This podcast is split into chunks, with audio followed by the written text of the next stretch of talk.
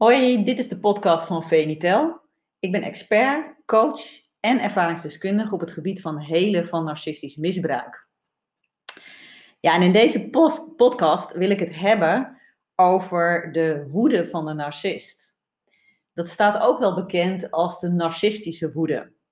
Want dat is een hele extreme vorm van woede en een hele onbegrijpelijke ook voor de omgeving. Want op voor jou onverwachte en onvoorspelbare momenten kan een narcist in woede ontsteken.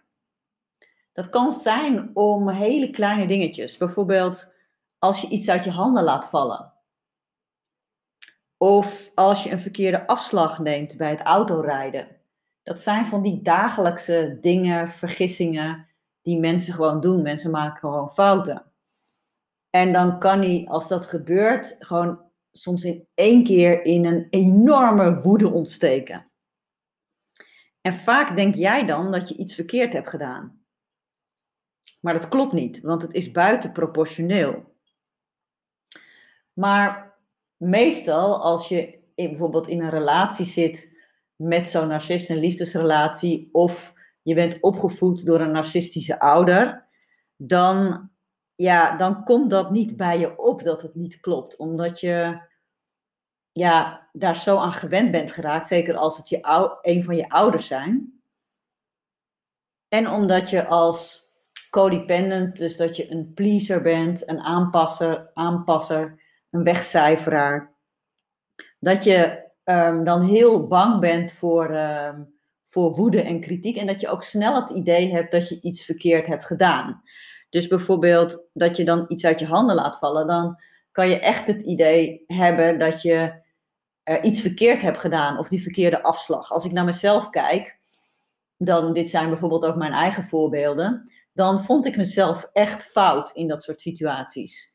Dus dacht ik echt van, oh wat ben ik stom geweest en dit had ik niet moeten doen. En als ik het niet had gedaan, dan was hij niet zo kwaad geworden. Dus dan kom je niet eens op de of de, of op de ja, veronderstelling uh, dat het buitenproportioneel uh, is. Ik kan me nog wel een keer iets uh, herinneren trouwens. Um, toen was ik bezig met, met de tuin. En hij ook. En de buurman, ja, die, die zat een beetje zo zijdelings toe te kijken. En um, ja, mijn toenmalige narcistische partner, die was mij heel erg aan het aansturen. Heel erg directief. En die buurman, die had echt zoiets van, die begon daarop te reageren. Het zat op zijn irritatiegrens. En die had zoiets van, doe het zelf, weet je wel. Zo van, dat hij eigenlijk voor mij zat op te komen. En ik weet dus nog dat hij dat, dat, hij dat zei. En dat me dat ook opviel. Dus het was wel een momentje van bewustzijn voor mij dat er iets niet klopte. Maar wat hij toen op dat moment zei, die buurman, had ik zelf nooit durven zeggen.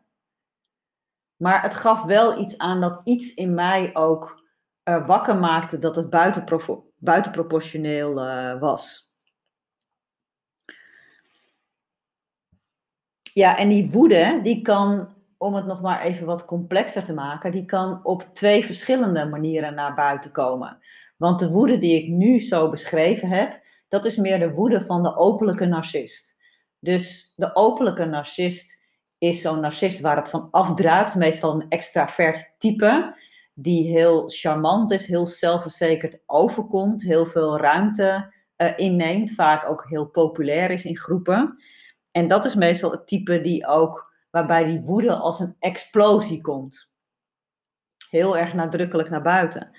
Maar die woede, en dat maakt het misschien nog wel lastiger, kan ook naar binnen slaan. Dus als je een verborgen narcist hebt, dus een narcist die in het algemeen niet zozeer als een narcist wordt herkend door mensen, omdat hij juist weer heel lief en aardig en vriendelijk, uh, zachtaardig uh, naar buiten toe is. Dus die komt eigenlijk meer over als een codependent. Die kan nog overkomen als een soort pleaser.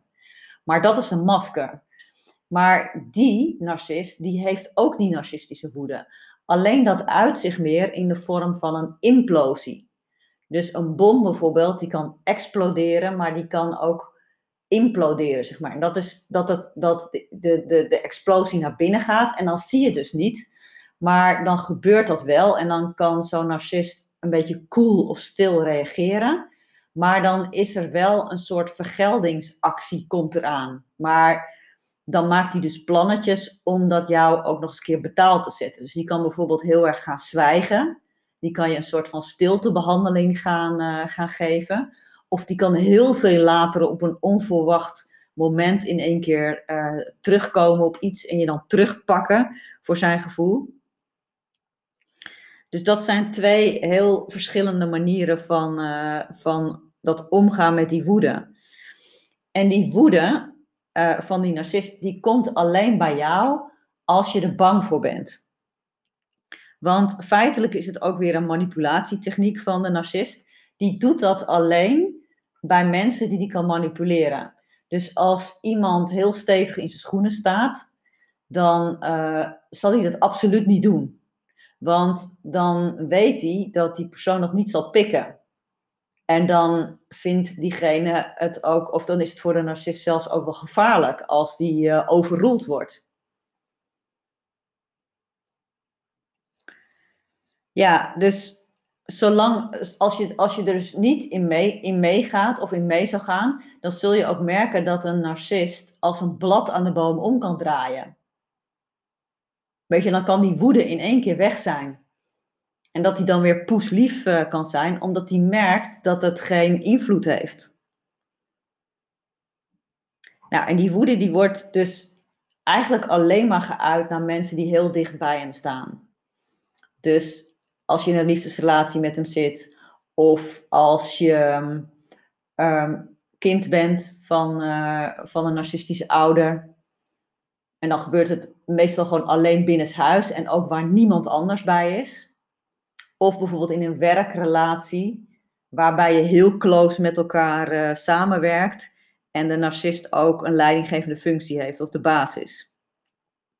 Bijvoorbeeld in het bedrijfsleven kon je dat heel goed zien bij uh, Steve Jobs. Tenminste, daarvoor moet je dan wel een, een film uh, van hem bekijken. Dus ik heb laatst een film over het leven van Steve Jobs gezien. En die laat dan eigenlijk plaatje achter de schermen zien. Dus het plaatje voor de schermen, wat je natuurlijk kent, eh, Steve Jobs van, uh, van Apple, hè? dus de kopman die al jaren dood is, maar um, een hele charismatische uitstraling had op het podium. En uh, nou, natuurlijk super populair was en rijk en naar de, naar de buitenkant. Maar als je dan ziet hoe dat, um, hoe dat dus achter de schermen toeging, dan was hij een enorme tiran.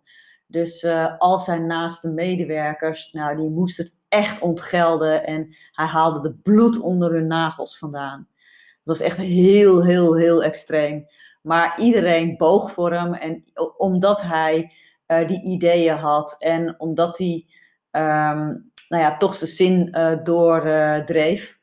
Um, hij is er ook wel eens een keer echt uitgezet um, door een, een raad van bestuur die boven hem zat. En uiteindelijk is hij dan toch weer binnengekomen, omdat ja, hij had iets heel. Dat is soms het rare van een narcist. Hij had dus iets super um, afwijkends, maar ook iets geniaals. Dat komt vaker voor. Dus ze zeggen ook wel vaak van dat genialiteit en gekte dicht bij elkaar zit. Nou, en bij een narcist of bij een psychopaat of sociopaat kan je dat heel erg uh, goed uh, zien. Ja, en waarom doet een narcist dat, hè, die woede? Nou, dus het is een manipulatietechniek, maar hij wil zijn omgeving onder controle krijgen.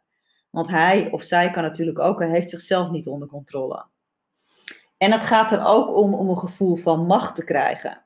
Want als een ander bang wordt om wat hij doet of zegt, als hij boos wordt, dan voelt hij zich machtig.